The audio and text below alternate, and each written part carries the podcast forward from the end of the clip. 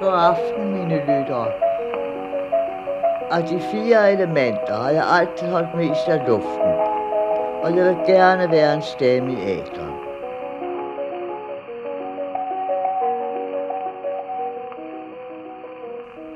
Den grønne stue på Rungsted Lund, Elisabeth Nøjgaard, hvor vi står nu, det var her, digteren Torkild Bjørnvig sad og arbejdede, når Karen Bliksen havde installeret ham her på Rungsted Lund.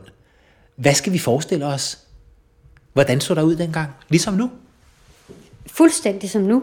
Øh, der var ikke øh, du på bordet, men øh, på det lille bord, vi står ved her øh, ved sofaen og de små stole, der øh, indtog de deres øh, aftensmåltid sammen, før de hørte musik og talte om øh, Bjørnvis øh, kunstneriske øh, udfoldelser og om Bliksens øh, fortællinger in the making, og så hørte de musik på gramofonen, som er lige ved siden af her. Ja, den står her med håndsving og det hele. Ja. Hvad var historien om Karen Bliksens forhold til den meget yngre, 30 år yngre digter og magister Torkild Bjørnvig? Hun er i begyndelsen af 60'erne, han er omkring 30, og det er en fantastisk historie. Kæmpe drama. Det, det starter med, at han har udgivet sit debutværk, Stjernen bag gavlen, i 48, tror jeg det er. Og noget tyder på, at Karen Bliksen har læst den og er sindssygt fascineret. Og, og det er ikke så mærkeligt, fordi øh, den handler om, øh, hvem er jeg temaet. Og kosmos og menneske som dele af det samme. Det tror jeg, hun er blevet vanvittigt fascineret af. Og så inviterer hun ham til middag, øh, under dække af, at det er hendes øh, kusine, der er meget interesseret i at møde den debuterende digter. Det viser sig, at kusinen aldrig læst Stjernen bag gavlen. Det finder han ud af under middagen. Men så begynder de at øh, mødes øh, med jævne mellemrum og føre samtaler. Og øh, det, kulmin, altså det kulminerer ikke, men man kan sige, det, det udvikler sig radikalt. I 1950, da Bjørnvig har hørt et foredrag inde i København, og iler hjem og skriver et brev til Karen Bliksen, at øh, det er så sjældent, at man møder det, den ultimative øh, kunstner, som, hvor mennesket bag har samme højde. Og her er det, som om alt går op i et, at kunstneren og mennesket er lige forbilledlige. Så han vil gerne tilbyde hende og tjene hende, det skriver han, at tjene hende i den tid, der er tilbage. Det har han aldrig øh, tilbudt nogen før, men det har han altid ønsket sig, og han tror ikke, kommer, han kommer til at gøre det igen. Men når hun så ikke er der mere, så vil han fortælle om hende. Det skriver han. Det er et vanvittigt brev. Fuldkommen. Han kaster sig for hendes fødder. Det er et underkastelsesbrev, hvor ja, han stiller sig Torkild Bjørnvig. til hendes tjeneste. Ja. Lige præcis. Men hun tager jo udfordringen eller invitationen, inklinationen dybt alvorligt og tager den til sig. Og hvad svarer hun? Hun svarer kort og præcist. Kære Torkild Bjørnvig, de gjorde mig en stor glæde med deres brev. Det er meget godt at vide, at der er et menneske, jeg kan stole på, som jeg stolede på Farah. Derfor vil jeg nu lægge min kappe over dem, ligesom Elias gjorde ved Elisa, til tegn på, at jeg engang vil lade de tre fjerdedele af min ånd blive hos dem. Deres Karen Bliksen. Det er kort, men rummer jo en masse løfter, fortællinger, pakter. Men det hun jo også ser i Torkel Bjørnvis underkastelse, det er, at der er et menneske, der tilbyder hende sin, øh, den totale tillid, eller hvad man skal sige.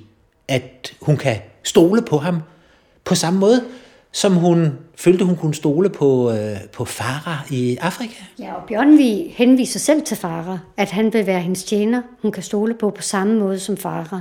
Og igen er vi lidt tilbage med det her æresbegreb, altså at værne, i en pagt værner man om hinandens ære. Men Elisabeth Nøjgaard Farah var jo hushovmester for Karen Bliksen. Torkel Bjørnvi skal ikke købe champagne og sørge for gæstebud og lave husholdning, men han tilbyder, forestiller jeg mig, at være hendes åndelige hushovmester, åndelige tjener. Det er formentlig det. Øh, men han, han oplever en kolossal dragning til Karen Bliksen. Han er fuldkommen fascineret.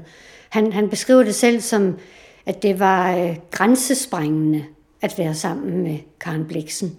Det var en bevidsthedsudvidelse. Når han gik fra møder fra, på Rungstedlund med Karen Bliksen, var han ovenud øh, ja, på en hej på livet. Øh, det, det, det umulige kunne lade sig gøre, øh, når man har været sammen med Karen Bliksen. Hvilken rolle spiller denne intelligente magister og dette digtertalent så for den over 30 år ældre Karen Bliksen, som er adskilt fra det erotiske liv, øhm, men som jo selv er et digtergeni. Hvad går det her ud på, set fra hendes synspunkt? Det uddyber hun ikke.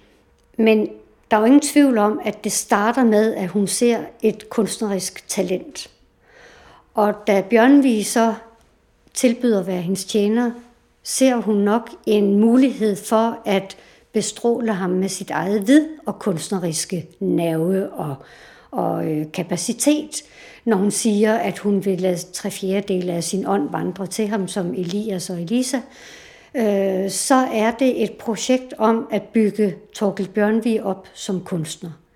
Og i deres righoldige korrespondence bliver det bekræftet flere gange. Hun skriver for eksempel til ham, hun, altså for det første har hun den her mission om, at han skal ud og opleve livet. For man kan ikke være en stor kunstner, hvis man ikke har et levet liv bag sig. Det skriver hun også til sin mor fra Afrika. Hun tror på, at man kan, når man lever livet med godt og ondt, kan man, at det er øh, ligesom den kapital, der skal til for at bedrive kunst. Men det kan man ikke, hvis man skal øh, skubbe en barnevogn samtidig. Nej, derfor er det jo helt håbløst, at han lever et borgerligt liv med sin hustru Grete og sønnen Bo. Øh, det, det gør hun, hvad hun kan for ligesom at holde ham væk fra, fra familiens skød, for det er ikke godt for den kunstneriske udvikling. Så hun øh, får ham til Frankrig. Han skal lære fransk. Fransk bør man kunne. Øh, Øh, han er mere optaget af tysk, men han skal udvide sin horisont og alt den kunst, der også er at opleve i Frankrig. Så han rejser til Frankrig. Og han får faktisk også arrangeret det, så hans familie kommer med ham derned. Og der skriver Karen Bliksen til ham dernede, at hvis de nu skriver dernede øh, i Frankrig, så skriv ikke for en kulturkamp, skriv ikke for Heretica, som var den kunstkreds, han var medlem af, men skriv for at give guderne et svar. Og det siger jo rigtig meget om den opfattelse, Karen Bliksen havde af kunstens øh, væsentlighed og kunsten som det store i livet, som kan udvide vores verden.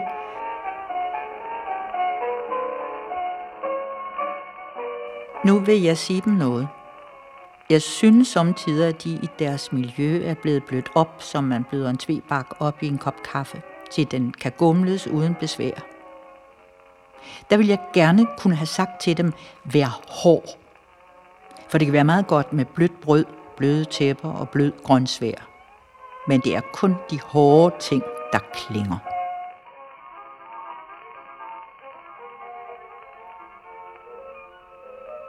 Nogle gange får jeg indtryk af, at Torkild Bjørnvig var et værk i hendes forfatterskab, om jeg så må sige, i hendes skaberværk, at hun formede ham på samme måde, som hun formede fortællinger.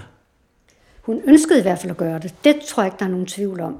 Hun, øh, hun ønsker, altså hun øh, opfører sig, øh, som var han hendes marionet. Han skal ud og opleve livet, han, han kommer hjem fra, fra Paris, og senere skal han til Berlin, og hun ønsker også, at han skal øh, opstøve et, øh, et bekendtskab til en slangetæmmerske. Og det betyder at have en erotisk affære. Øh, det gør han jo så, det ender jo øh, katastrofalt, men det er en anden historie. Men hun ønsker, at han skal ud og leve sit liv for at blive et mere erfarent menneske på, på øh, de lyse og de mørke sider i livet. Og, og der sker vel det undervejs, at hvor han starter som at være hendes kunstprojekt, så bliver hun også dybt fascineret af ham. Og det udvikler sig til en form for stor forelskelse, måske lige frem kærlighed, som Bjørnvi slet ikke begriber. Det tror jeg godt, man kan sige. De, de er jo enormt ulige. Altså, de er, hun er det dobbelte af hans alder. Hun har oplevet de vildeste ting og de største sorger, og har rejst sig øh, og genopfundet sin identitet adskillige gange. Og han er jo forholdsvis øh, grøn og lever det her borgerlige liv. Og, og han tror, han ligesom kan...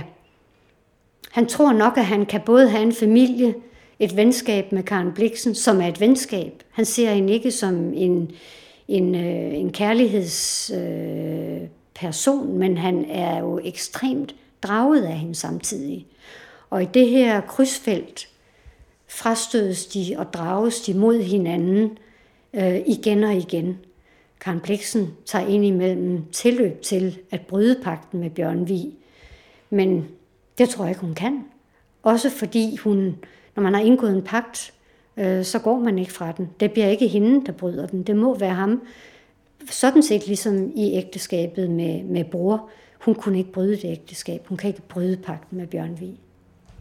Hvordan ender den her underkastelse fra Bjørn Vigs side så? Forbliver pakten, eller bliver han en oprører og bryder den? Det ender ret øh, sørgeligt og, og, og, og øh, katastrofalt i virkeligheden, og livsomkalfatrende for dem begge to. Og det bliver jo så til sidst Bjørnvig, der, der må bryde, fordi han, han kan simpelthen ikke overskue, hvad han har rådet sig ud i. Han har sit ægteskab med en Grete, der er ulykkelig over, at han i lange perioder bor på Rungsted Lund, og Karen Bliksen fylder rigtig, rigtig meget i hans, hele hans tankeverden og hans liv.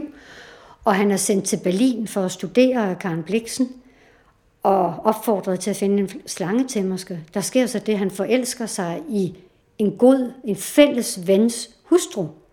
Knud V. Jensen, Luciana, stifterens kone Benedikte, øh, er i vennekredsen omkring både Bjørnvig og Karen Bliksen, og hun kommer til Berlin, og der opstår en, en enorm forelskelse øh, mellem de to.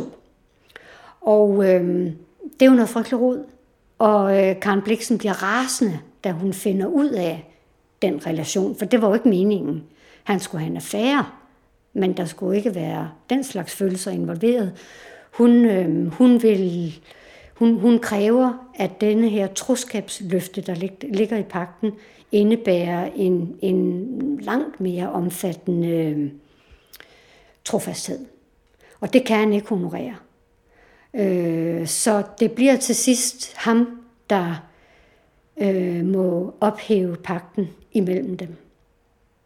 Karen Bliksen var jo en dukkefører, en marionetfører, og et meget magtfuldt menneske, der kan tilbyde at lægge en kappe over skulderen på en anden og lade to tredjedel af sin ånd gå videre. Tror du, at pakten med Bjørnvi også var et spørgsmål om en måde at udøve magt over mennesker på? Nej, det tror jeg egentlig ikke. Hun siger selv, at hun blev spået øh, i Afrika, at øh, hun ville have kraft til at udøve stor magt over mennesker. Og det havde hun. Men jeg tror, det drivende for hende var at øh, have en meget tæt samhørighed med, med Torkel Bjørnvig på et rent platonisk plan. Altså hun var jo... Øh, det, det, det erotiske i deres relation var, var ikke, det var nok et issue, fordi det har nok ligget under overfladen, men det var ikke en del af pakten, øh, og det var, det, var, altså, det var slet ikke på tale. Så man kan måske også sige, at det var øh, en form for magtudøvelse. Han har, han har givet op, opfattet det sådan. Når man som Karen Bliksen er den her marionetfører, og har magten og ikke mindst viljen til at forme andre mennesker. Hvad er det, hun vil med Bjørnvi, udover at hun vil forme kunstneren og trække ham ud af borgerligheden? Hvad er hendes idé med at modellere et menneske? Hun vil gøre ham til en stor kunstner. Hun kan se, at han har potentialet. Og øhm, han mangler bare at være, altså han mangler at opleve de mørke sider i livet, og han mangler at kunne på den baggrund gøre sig hård som hun har gjort. Hun var benhård, varm, og altså hun var jo, som Bjørnvi selv siger i et interview mange år senere, så var hun alle karakteristika, et menneske kan besidde, inkarneret i en person. Men hun ønskede at gøre ham hård. Øh, hun siger til ham, øh, øh, de er som en øh, opblødt tvebark, og det er meget godt med bløde ting, blød grøntsvær og bløde tæpper og så videre. Men det er de hårde ting i livet, der klinger. Og så skriver hun et anagram, som hun elskede at gøre over personer, hun holdt af og ikke holdt af, hvor hun omdanner bogstaverne i hans navn til nogle andre ord. Det bliver til vridbord kling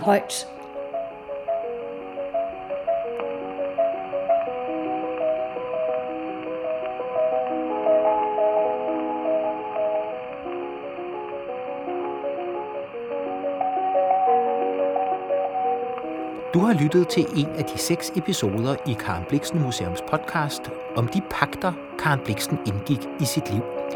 Serien knytter sig til museets udstilling om samme emne.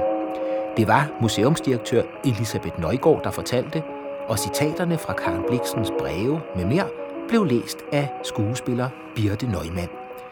Kim G. Hansen var seriens producer, og jeg hedder Claus Rothstein, og musikken, den var fra Baronessens gamle gramofon, som står i den grønne stue på Rungstedlund. Lund.